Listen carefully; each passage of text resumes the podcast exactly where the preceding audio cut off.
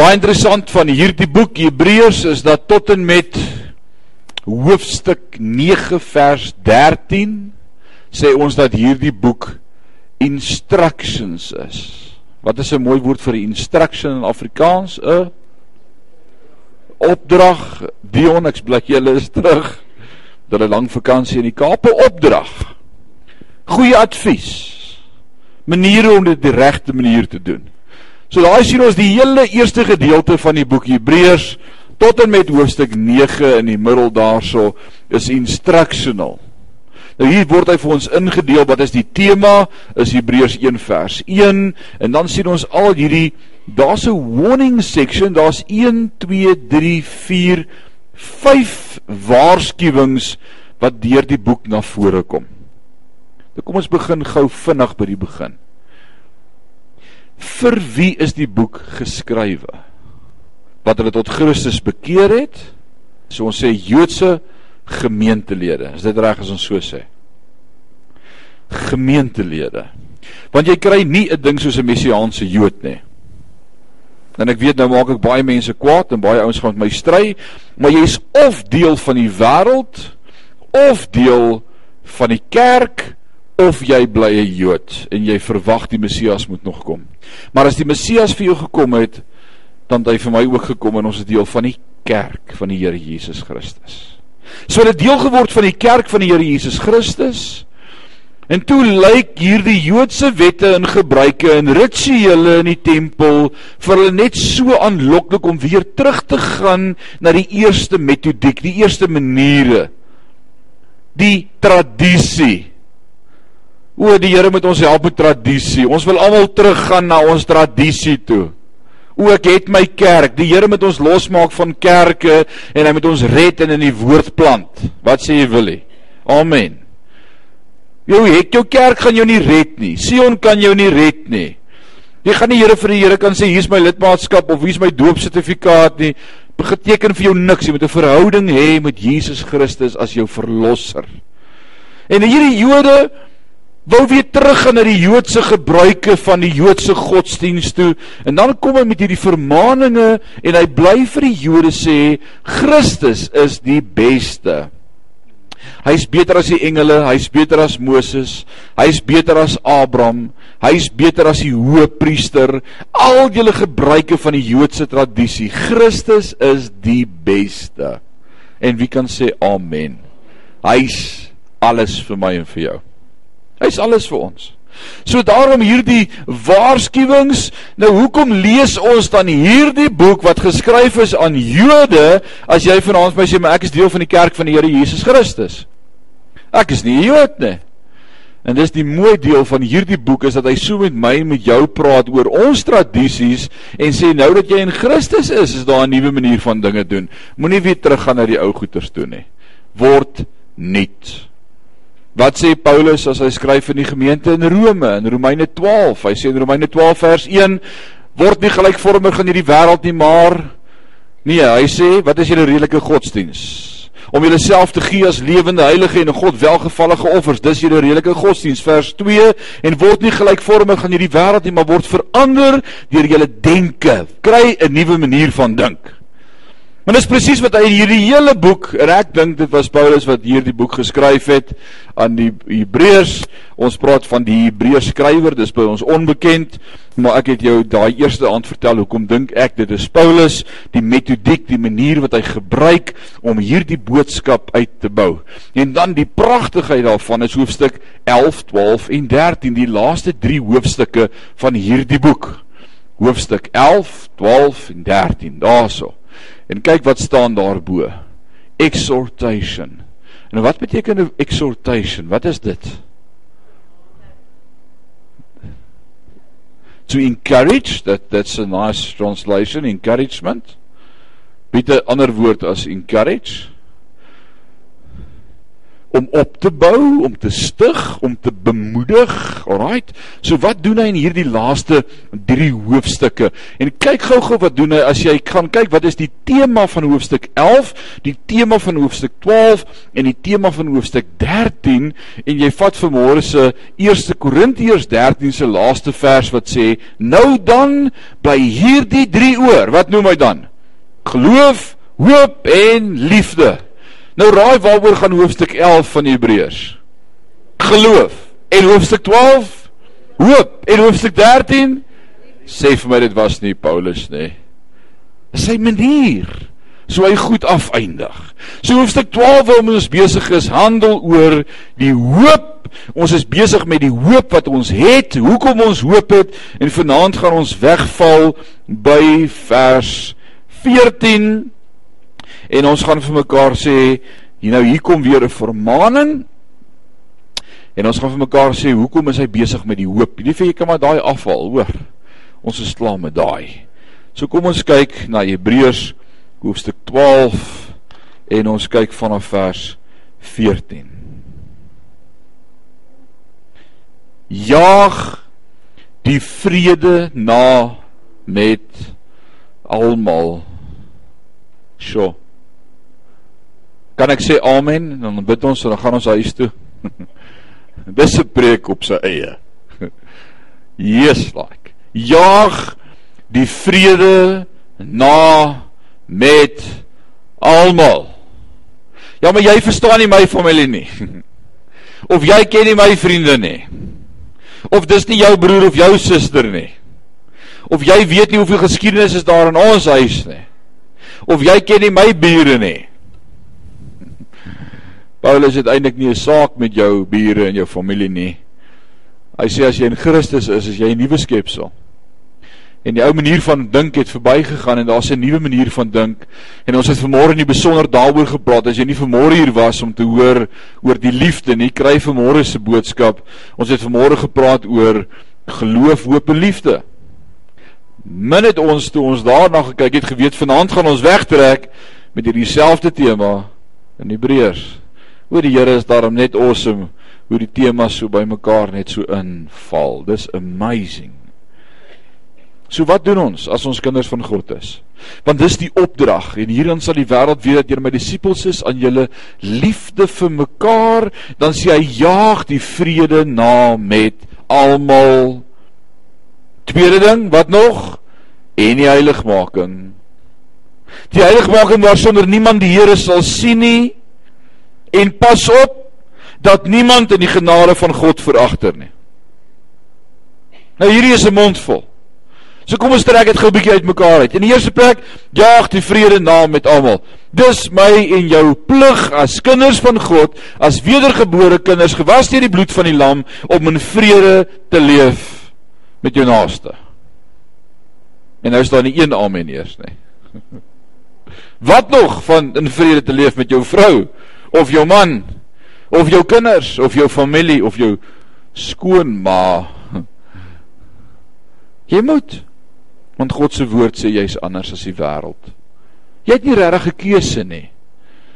En dis hoekom dit 'n vermaaning is wat vanaand weer eens gerig word aan hierdie groep om te sê as jy dan verklaar Christus is die beste As jy dan sê Christus is beter as die engele en hy's beter as Dawid en hy's beter as uh Abraham en hy's beter as Moses wat die wet gegee het. En hy's beter as die hoë priester in die Ou Testament wat die een keer 'n jaar die allerheiligste kon betree om te offer vir die volk. As ons dalk en dis die hele ding waardeur hy Hebreërs so verskryf en hy sê as al hierdie goed van Christus dan die waarheid is en hy jou en my nuut gemaak en ons sê hy leef in ons dan leef ons anders. Dan jaag ons die vrede na met almal Hmm. Hmm. Andrei?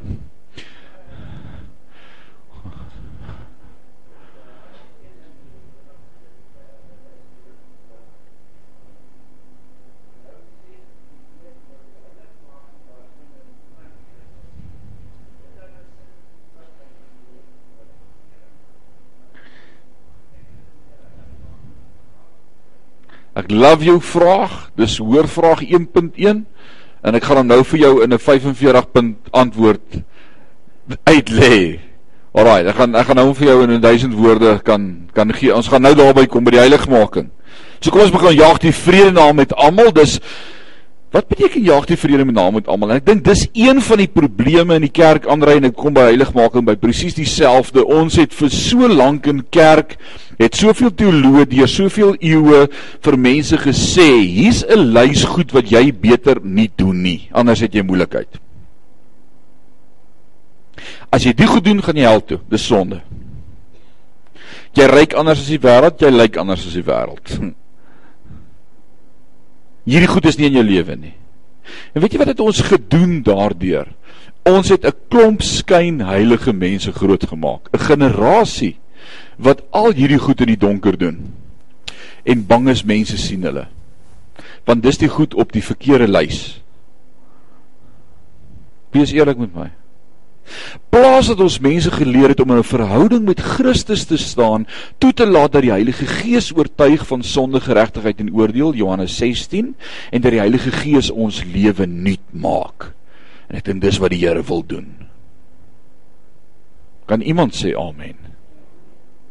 En ek wil nooit van hierdie kansel af vir jou 'n lys goed preek wat sê as jy wil hemel toe gaan beter jy so lyk nie want te veel mense lyk net so maar het nie 'n verhouding met die Here nie.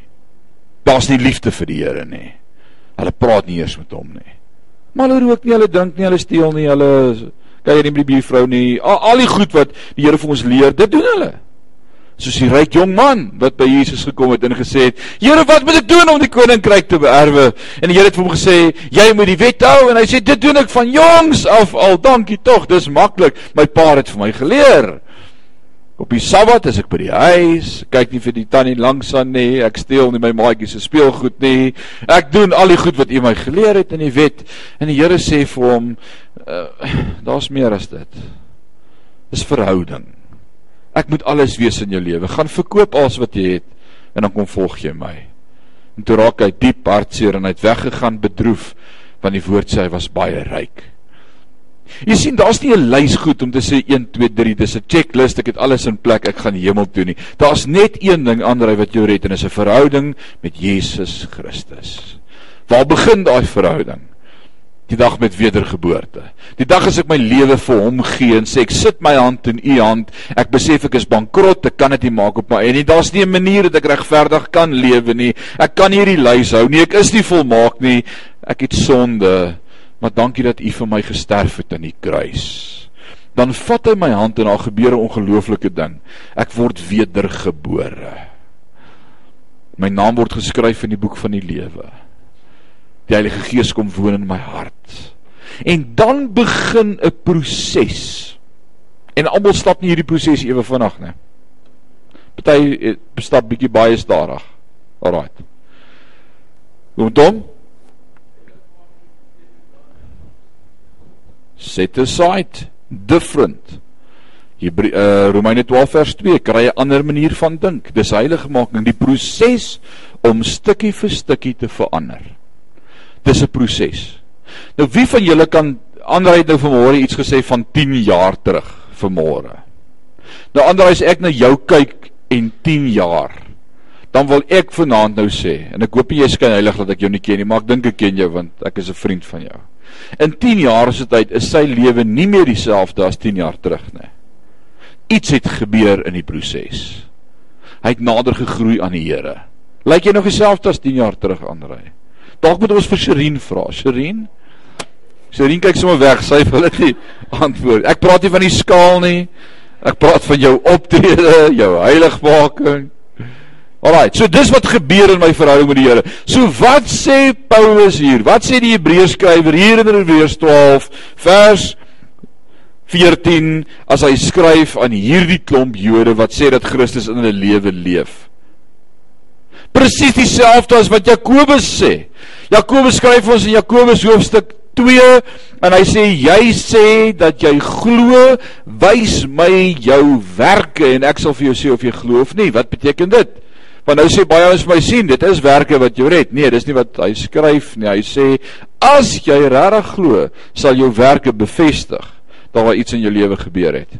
So wat skryf die Hebreërs skrywer hier? Sê hy hier ons moet die vrede ja na ja najaag met almal omdat dit 'n werk is wat ons kan afteken sê okay ek het vrede met almal of sê hy dis vrug wat volg in 'n lewe van ek behoort aan Christus. Sien hoe draai ons dit baie keer om? En ek wil vir jou sê jy moet eers aan Christus behoort. Jy moet eers nuut word. Jy moet hom eers ontdek as die Messias in jou lewe. En dan is dit een van die vrugte wat daaruit vloei jy leef in vrede met mense saam. En daarmee saam en dis deel van hierdie proses wat hy dan sê hy sê en heiligmaking. Heiligmaking waar sonder niemand die Here sal sien nie. Met ander woorde, Andre, ek wil dit as volg antwoord en hom Tom help my as ek verkeerd is. Heiligmaking in konteks van wat hy hier skryf, sê vir my dat jou maniere van optree jou progressiewe groei in jou verhouding met die Here is demonstratief van 'n vertrekpunt wat wedergeboorte was. As dit nie daar was nie, kan jy nie heiligmaking in jou lewe hê nie. Daar moet 'n vertrekpunt gewees het Christus. Maar weet jy wat, ons lyk nie meer dieselfde as die dag toe die Here ons gered het nie. Want die Heilige Gees van God kom werk in ons en hy praat met ons en hy oortuig ons. En weet jy hoe gentleman is hy? Hy vat stukkie vir stukkie van jou lewe. Een vir een onderwerp en hy deel daarmee. En as ek dit onder die knie het, dan vat hy die volgende onderwerp. En daarom het ons 'n probleem veral as Pinksterkerk vir baie jare gehad om te sê as iemand tot bekering kom, dan beter hy in een oomblik al sy nonsens los in volmaak wees. En dan het ons gesê dan moet jy gedoop word en as jy kop onder daai water uitkom beter jy soos 'n engel lyk. En as jy mistrap is daar moeilikheid want dan jy duiwel in jou. En ons het dit verkeerd gehad. Dis 'n groeiproses. Weet jy wat as ek en jy wil eerlik wees en ons kyk vanaand in die spieël na 10 of 20 of 30 of 40 of 50 of 60 jaar as kind van God, dan sal jy vir my sê daar's nog steeds goed in my lewe waaraan ek werk deur die genade van die Here, maar ek is nie meer waar ek was nie. As jy vanaand vir my sê ek is nog steeds waar ek was, dan wil ek vir jou sê jy's nie wedergebore nie. En ek sê dit vanaand vir jou omdat ek jou lief genoeg het om die waarheid te praat. As daar nie groei in jou lewe plaasvind nie, was daar nie 'n vertrekpunt nie. Jy kan nie 'n goeie Christen wees sonder wedergeboorte nie. En te veel goeie Christene gaan hel toe. Daar moet 'n plek in jou lewe wees wat jy weet ek my hand in sy hand gesit het. Dis die vertrekpunt. En dan s'ek sy kind. En dan staan groei. En dan wil ek vrede najag met almal. En ek en ek en ek beoefen die heiligmaking waarsonder niemand die Here sal sien nie. En dan kom in vers 15 hy sê en pas op.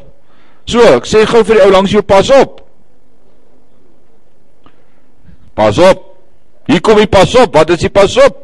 Dat niemand in die genade van God veragter nie.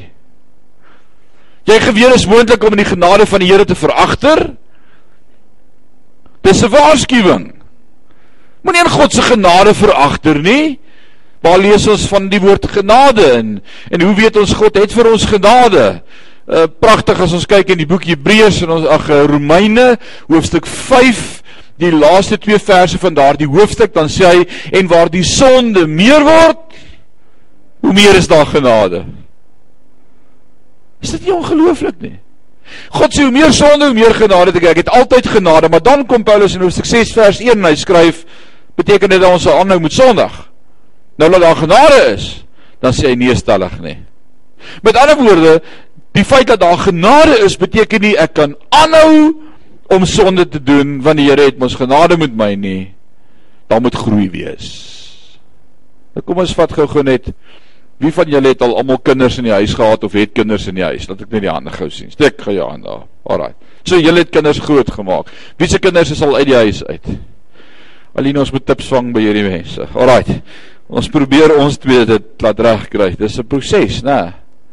Maar solank as wat hulle onder ons dak is, is daar seker goed wat ons vir hulle moet leer. En mag die Here ons help dat ons die goed wat vir ons wat wat ons moet vir hulle leer, vir hulle leer. En dat hulle nie die figure goed by ons leer nie. O, dis 'n proses, dis moeilik. Dis baie moeilik. Ons probeer ons kinders seker goed leer. En as daar seker goed wat ons aanspreek. Nou as jou kind nou by jou sal kom en vandag sê pa, uh, jy het nou vir my geleer eerlikheid is 'n is 'n is 'n goeie eienskap en ons moet eerlik wees en ek moet met jou praat voor jy my uitvang. Uh Pa, ek het gister aan die garagedeur oopgemaak en jou bakkie uit reverse en weer vorentoe gery en per ongeluk te naby aan die werksbank gestop. En die bumper is gestamp. Want dis dis beautiful. Ek bedoel dis eerlik. Dis dis dis dis fenominale wonderlike eienskappe, maar ek seker jy gaan vir 'n klap gee. Nee, by die bure, nie by jou huis nie. Alraai. so hy gaan moeilikheid kry, maar slaan dan by die bure. Uh, ons mag nie meer ons kinders by ons eie huise tigtig nie, sê die wet. So doen dit by die bure. Nee, hy gaan moeilikheid kry by my. Dalk die eerste keer sal ek sê, weet jy wat, ek's trots op jou, jy die waarheid kom praat, jy het my ges vertel voordat ek jou uitgevang het. Ek kan sien jy's volwasse, beautiful, maar soos jy doen dit nie weer nie. En dan gaan die kar en hy word reggemaak en 3 weke later een aand by die huis dan sê dieselfde ding, soos ag pa, sorry. Waaroor nou? Nee, ek het alweer die kar gestaan. Dis is maak dan vir gesê, "Minnie, maak dit." So gaan jy dit nou hanteer. En as hy oor 'n week en 2 weke en 3 weke en elke week dieselfde ding doen en dan net aanhou sê sorry, wat gaan jy dan doen? Wat sê jy dan hè?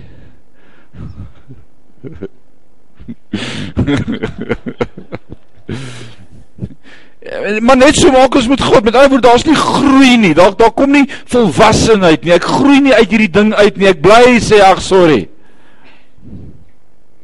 Jammer vir dieselfde goed, dan doen ons dit weer en ons doen dit weer en doen dit meer en doen dit meer. Steek gou jou hand op as jy 'n kort hier meer het. Kom aan, steek gou jou hand op.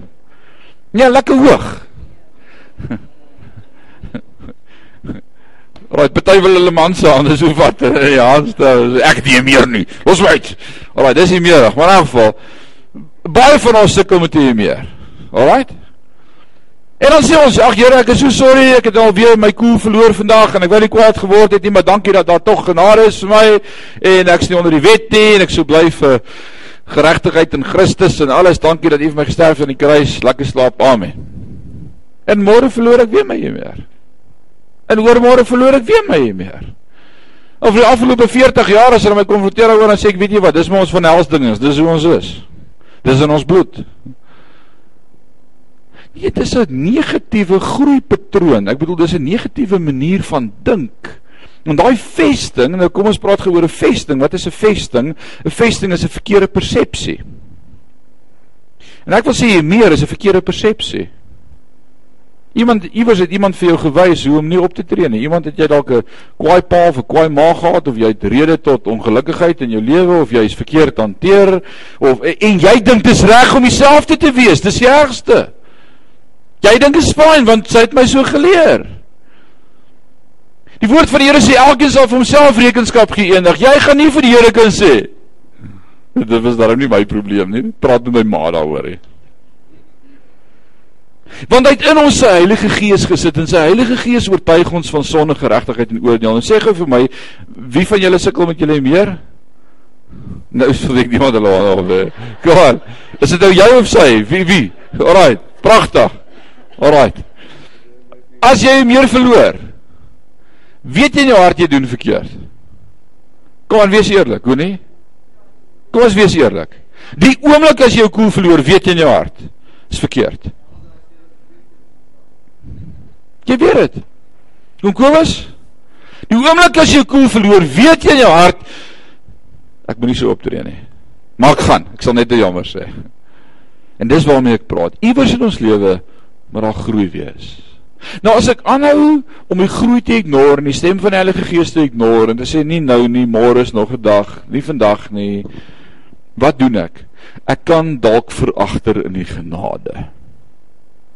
En dis 'n gevaarlike posisie om te veragter in die genade. Hy sê dat niemand in die genade van God veragter nie, dat geen wortel van bitterheid opskiet en onrus verwek en baie hierdeur besoedel word nie. Nou spreek hy 'n ongelooflike groot waarheid aan. Bitterheid. As ons vanaand 'n stil opname sou doen en 'n briefie uit stuur en niemand sien wat jy merk daarin en ek vra vir jou, het jy rede om bitter te wees? Wil ek vir jou sê, elke persoon in hierdie kerk het die reg om te sê ja. Iemand het iets teen my gedoen. Iemand het my skade berokken. Iemand het my ingedoen met besigheid. Ek sit dalk in 'n verhouding waar my vrou my boelie en slaan as niemand kyk nie. En sy's baie slim, sy hou die kussing voor so ek het nie blou kol om te wys dat sy my slaan nie. Uh daar kan honderde redes wees. Maar elkeen van ons kan vanaand sê, ja, ek het rede om bitter te wees. Maar weet jy wat God sê? Jaag eerder die vrede na. Laat toe dat God se gees jou lei om te groei oor daai issue. Moenie agterraak in die genade nie. Dan gaan daar nie in jou lewe dalk 'n wortel skiet van bitterheid nie. En dan sê hy wat gebeur met hierdie wortel van bitterheid en is baie interessant as iemand bitter is. Almal om hulle word ook bitter. Hmm. Weet jy waarvan ek praat? Daai tannie by niemand wil kom nie met die sewe katte wat nooit kinders gehad het nie wat bitter is oor die hele lewe en niemand wil by haar gaan kuier nie. En as almal by haar kuier, dan is almal bitter daarna. Nee, julle weet nie waarvan ek praat nie. OK. Maar nee, nie genade vragter nie. Vers 16. Laat niemand 'n hoereerder wees nie. Nou wat se ding is 'n hoereerder? Ek love die Bybel want hy laat ons oor goed praat wat ons nie oor wil praat nie. Maar hy sê dit is belangrik om oor die goed te praat. Wat is 'n oreerder? Nou is dit dood stom in die kerk. Dit vir ons jong mense vra. Kom aan. Praat met my.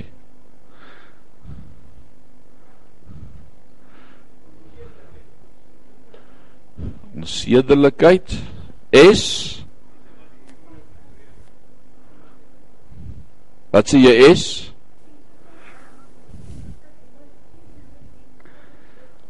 sedeloos en goddeloos, dis 'n baie mooi beskrywing. Wat sê jy Dion? Iemand wat nie die huwelikswet hou nie, met ander woorde hy is ontrou aan sy partner en hy loop rond. Alraight, wat sê julle nog beteken die woord hoereerder?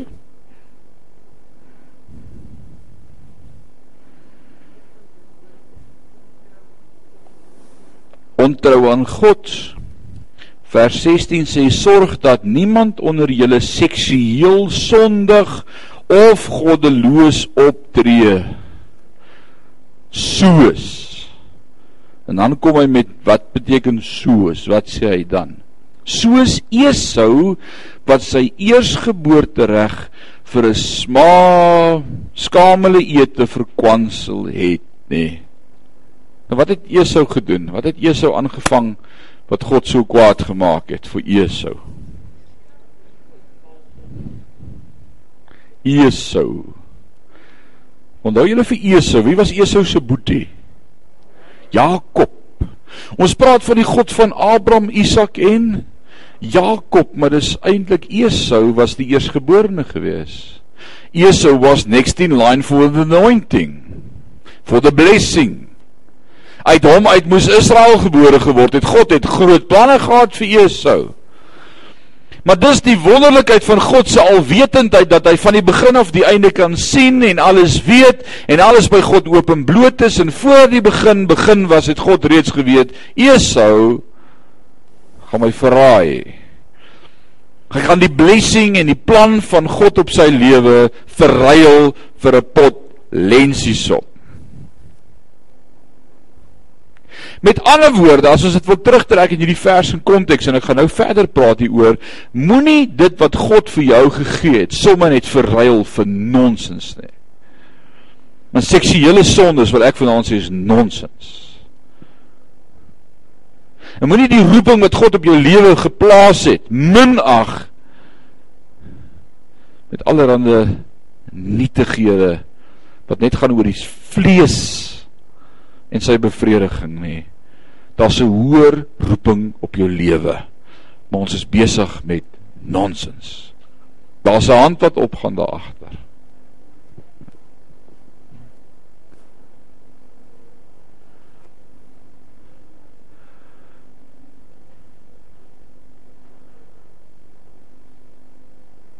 Pragtig gesê.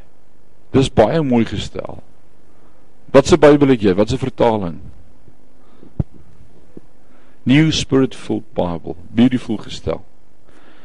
So moenie dit wat God vir jou gee wat 'n blessing moet wees verruil vir jou eie genot nie.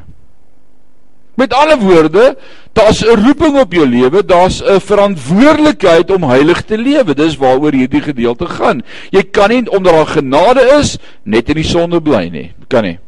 Want as jy in die sonde bly, gaan jy God se blessing verloor.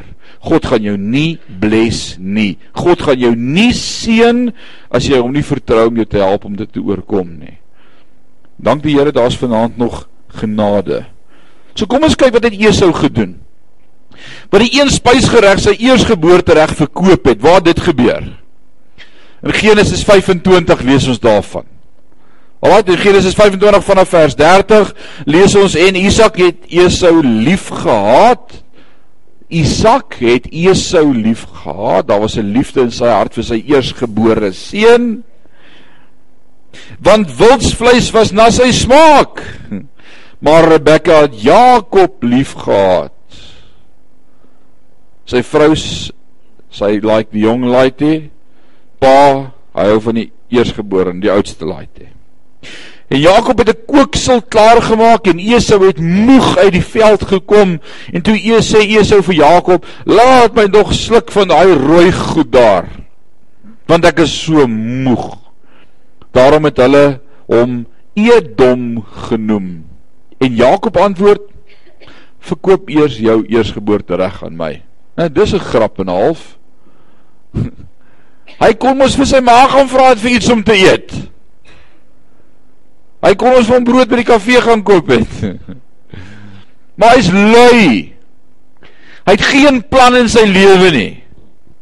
Hy het geen ambisie vir 'n toekoms as 'n geseënde van die Here nie. Hy het geen geen behaag in die blessing van sy pa as eersgeborene nie. En hy konkel en hy speel met God se genade.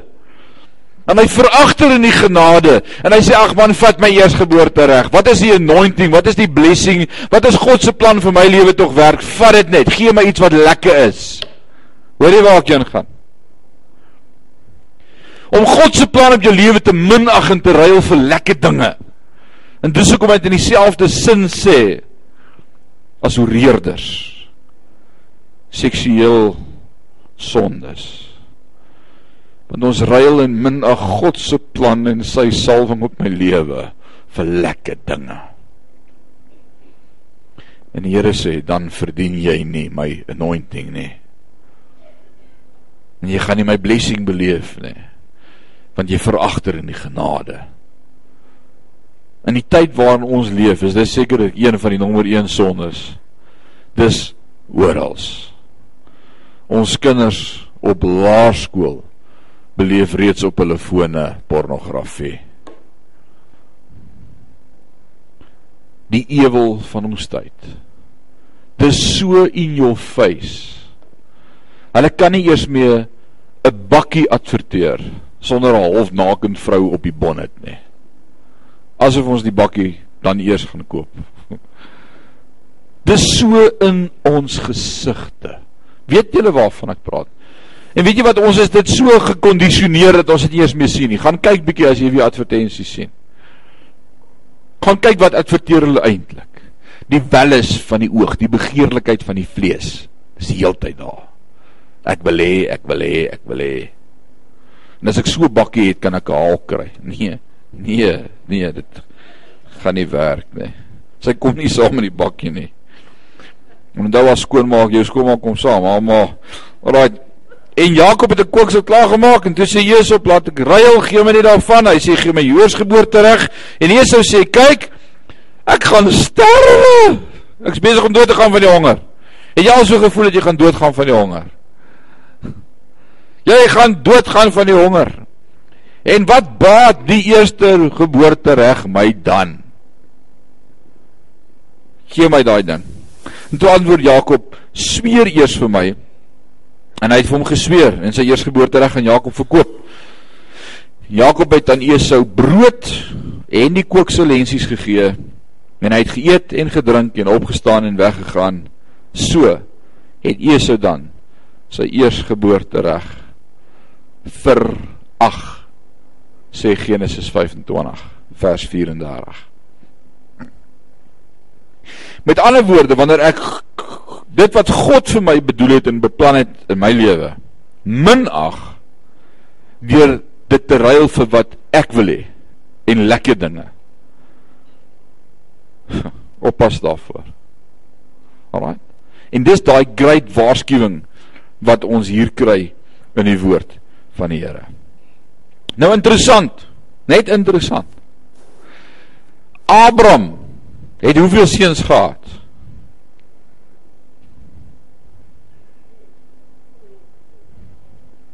Ek het 'n een, ek het 'n een, ek het 'n een, ek het 'n een, ek het twee, ek het twee, twee, twee. Het ek twee? Waar is dit twee? Gee my twee. Ek sien die een hand nie. Twee, ek het twee. Wat was hulle name? Ismael en toe kom Isak. Ons vergeet van Ismael as die seun van Abraham. Ismael het saam met sy ma Hagar die woestyn ingegaan en het hulle eie ding gaan doen. Ismael het getrou, het iewers 'n vrou gekry, hulle kinders gekry. Vergeet nou van oom Ismael, dis eintlik oupa Ismael. Abraham, toe kom Isak, sy halfbroer, is gebore. En toe Esau en Jakob. Toe wat gebeur met Jakob? Jakob ruil die eersgeboortereg van Esau. En wat sien ons later gaan in Esau se lewe gebeur? Hy gaan trou met een van die kinders van Ismael. Jy het geweet. Lees jou Bybel. Daaroor hy gaan trou met sy niggie.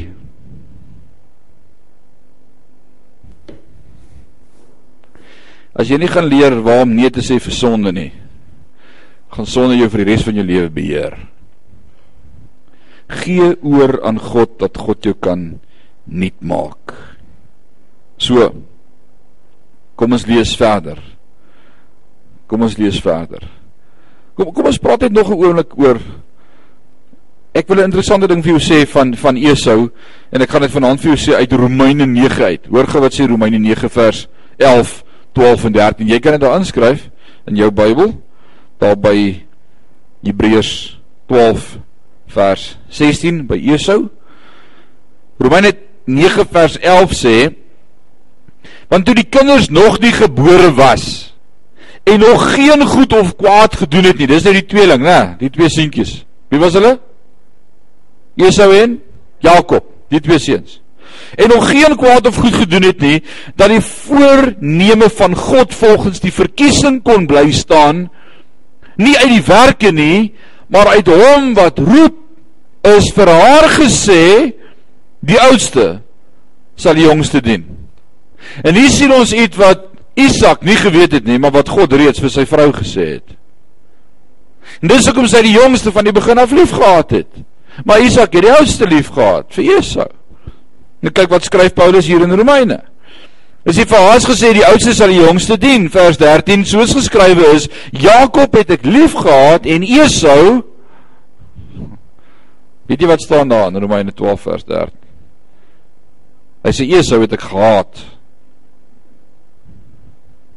Dis 'n verskriklike woord, is dit nie? Gehaat. Romeine 9 vers 13. Soos geskrywe is, Jakob het ek liefgehad en Esau het ek gehaat. Hoekom haat God van die begin van die grondlegging af voordat die tweeling gebore is, voordat hulle kon stout wees? Hoekom haat hy vir Esau? Want hy het geweet in Esau se hart gaan daar 'n minagting wees vir die hoë roeping vir God se plan.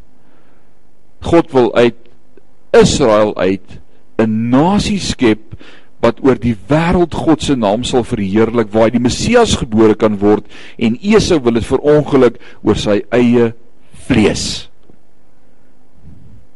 En weet jy hoe baie keer verongeluk ek en jy God se plan in ons lewe oor ons eie vlees.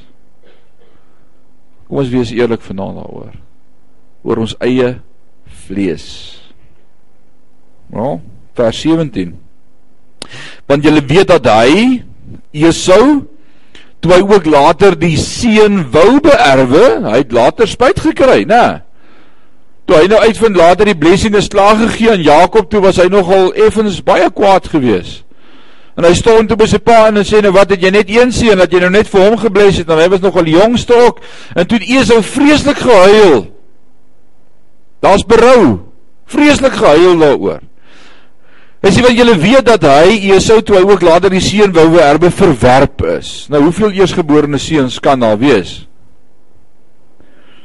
En hoeveel blessings kan daar wees? Net een. En Esau het die bus gemis want hy het geen geleentheid vir berou gevind nie al het hy dit met trane vurig begeer. En nou hier moet ek vanaand 'n waarskuwing rig tot elke luisteraar van hierdie gedeelte.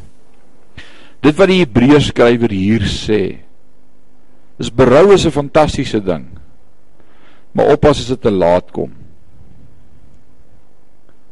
Oppas as dit te laat kom.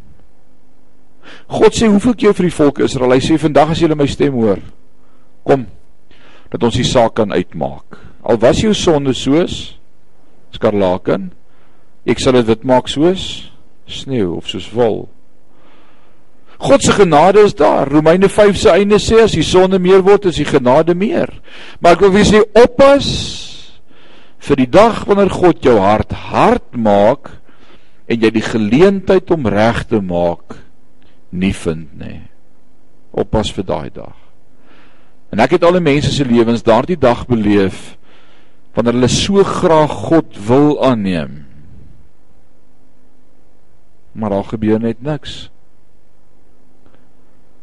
Soek hom terwyl hy te vinde is. As jong mense vir my sê maak's nog jonk, ek sal eendag as ek ouer is, kerk is vir ou mense. Oppas as die dag kom wat jou hart verhard is en jy veragter het in die genade oppas dis 'n vriendelike waarskuwing want jy het nie gekom by 'n tasbare berg nie. En 'n brandende vuur en donkerheid en duisternis en storm en en en basseingeklank en die geluid van woorde waarna die hoorders gesmeek het dat hulle geen woord meer sou toegevoeg word nie want hulle kon die gebod nie verdra nie selfs as 'n die dier die berg aanraak moes dit gestenig word of met 'n pyl neergeskiet word waarvan praat die Hebreërs skrywer waarvan praat hy Wie weet? Moses in die berg. En wat het met Moses op die berg gebeur? Moses ontvang by God die wet. Nou wat kom doen die wet in my en jou lewe? Hoekom gee God vir Moses die wet? Was God se plan ooit gewees dat ons sou lewe volgens die wet? Nee. En daarom as mense vir my sê ek hou die wet of ek leef volgens die wet of ek ken die wet, well great vir jou. Maar ek kan jou nie red nie. Galasiërs sê en Galasiërs sê ongelooflike goed in Galasiërs 4 en 5. Hy sê as jy dan aan die wet wil vashou vir redding, beter die wet jou red. Want as jy losgesny van Christus. Nou sê gou vir my, kan jy sonder Christus die koninkryk ingaan? Nee, hoekom nie? Johannes 14 vers 5 sê ek is die weg, die waarheid en die lewe na die Vader sal niemand kom behalwe deur my nie. Ek is die deur, die weg, Jesus Christus, die weg na die Vader. Die enigste een wat vir my sonde betaal het en gesterf het aan die kruis. Daar's nie 'n ander manier om by God te kom nie. Die wet, as ek die wet wil onderhou en probeer volmaak wees, ek kan nie. So hoekom gee God dan die wet? Wat wil God vir Israel wys? Dion Hoekom gee God die wet?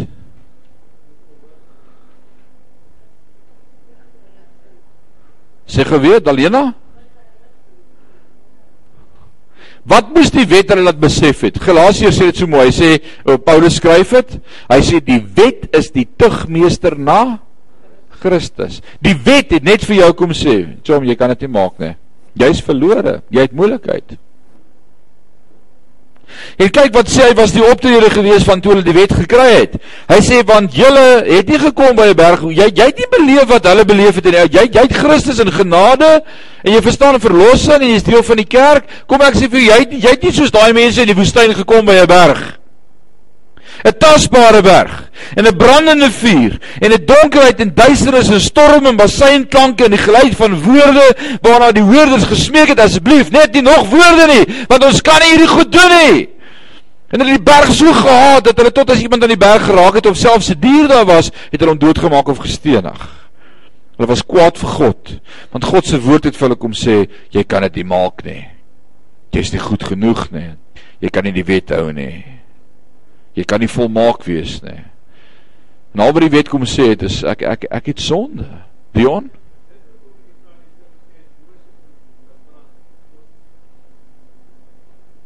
Ons wil nie God se stem hoor nie. Ons kan nie so wees nie. Ek wil nie so lewe nie. Ons is immoreel.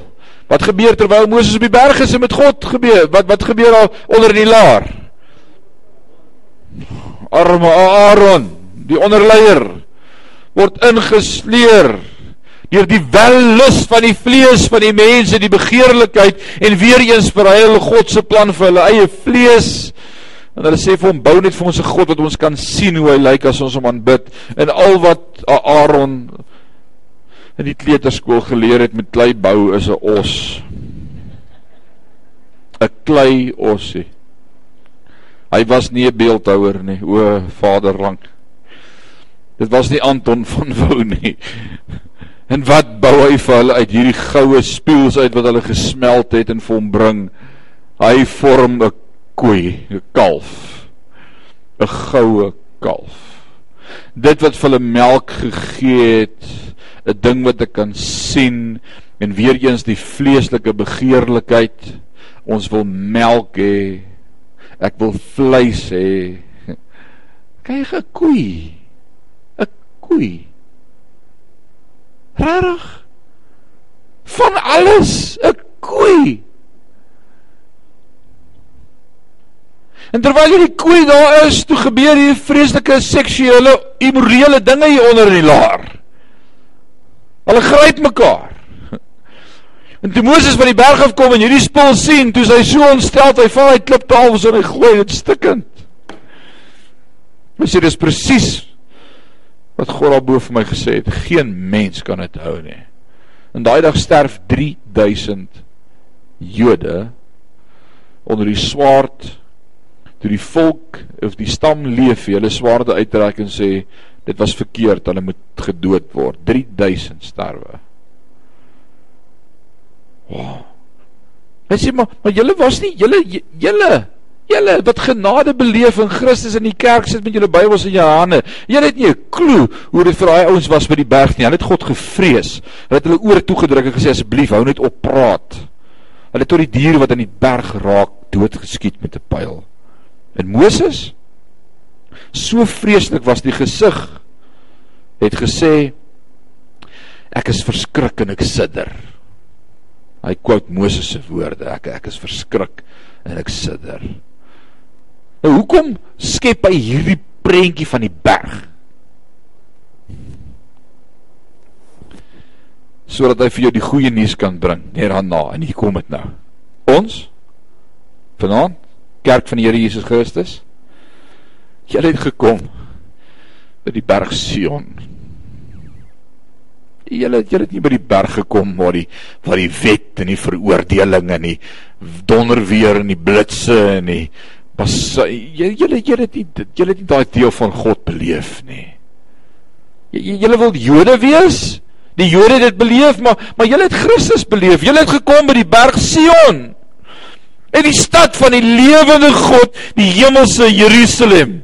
En 10000 engele by die feestelike vergadering en die gemeente van die eersgeborenes wat in die hemel opgeskrywe is en by God die regter van almal en by die geeste van die volmaakte regverdiges en en by Jesus die middelaar van die Nuwe Testament en die bloed van die besprinkeling wat beter is as die bloed van Abel.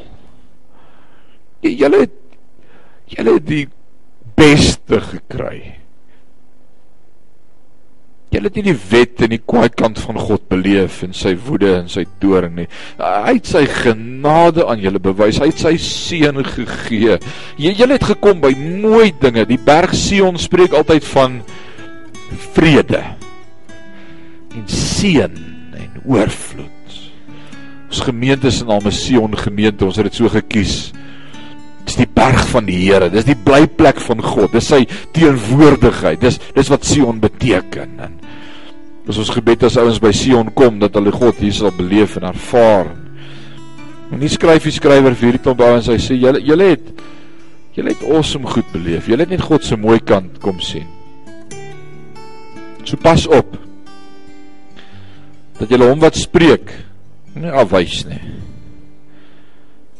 Want as hulle nie ontvlug het nie wat hom afgewys het toe hy op aarde goddelike waarskuwing gegee het veel minder ons wat ons hom afkeer nou dat hy uit die hemele spreek. Toe het sy stem die aarde geskud. Maar nou het hy beloof en gesê nog eenmal laat ek nie alleen die aarde nie, maar ook die hemel bewe.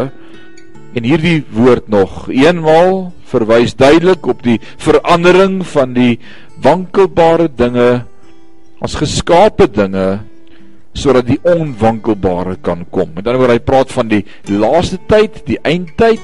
Daar gaan nog 'n laaste keer hierdie aarde geskit word sodat hierdie verganklike vervang kan word met onverganklike. So hy sê daar kom 'n einde aan hierdie dispensasie van lewe soos ons dit ken en wie weet dis die waarheid. Dit is die waarheid. Ek sê dit elke week by elke begrafnis wat ek hou, dit lyk vir my niemand van ons kom lewendig hier weg nie. Dis net so. Daar gaan 'n einde kom aan hierdie verganklike sodat die plek daarvan met die onverganklike bekleed kan word. Vers 28 daarom omdat ons 'n onwankelbare koninkryk ontvang. Laat ons dankbaar wees en so God welbehaaglik dien met eerbied en vrees. Want ons God is 'n verterende God. Wow. Wow. As dit jou nie vanaand bemoedig en aanmoedig en sê come on. Beweeg 'n bietjie nie. Kom van jou gemaksone af en hou op verskonings maak vir jou hier meer en vir al jou issues en ek pik nie vanaand op hier meer nie. Glad nie. Maar op verskonings uitdink. Hoekom jy daar bly en en groei en en, en moenie agterraak in genade nie en en hê God het lief met jou hart en en, en en laat toe dat sy Heilige Gees in jou werk en gee jou net oor. So dat ek kom sê vanaand, gee jou net oor.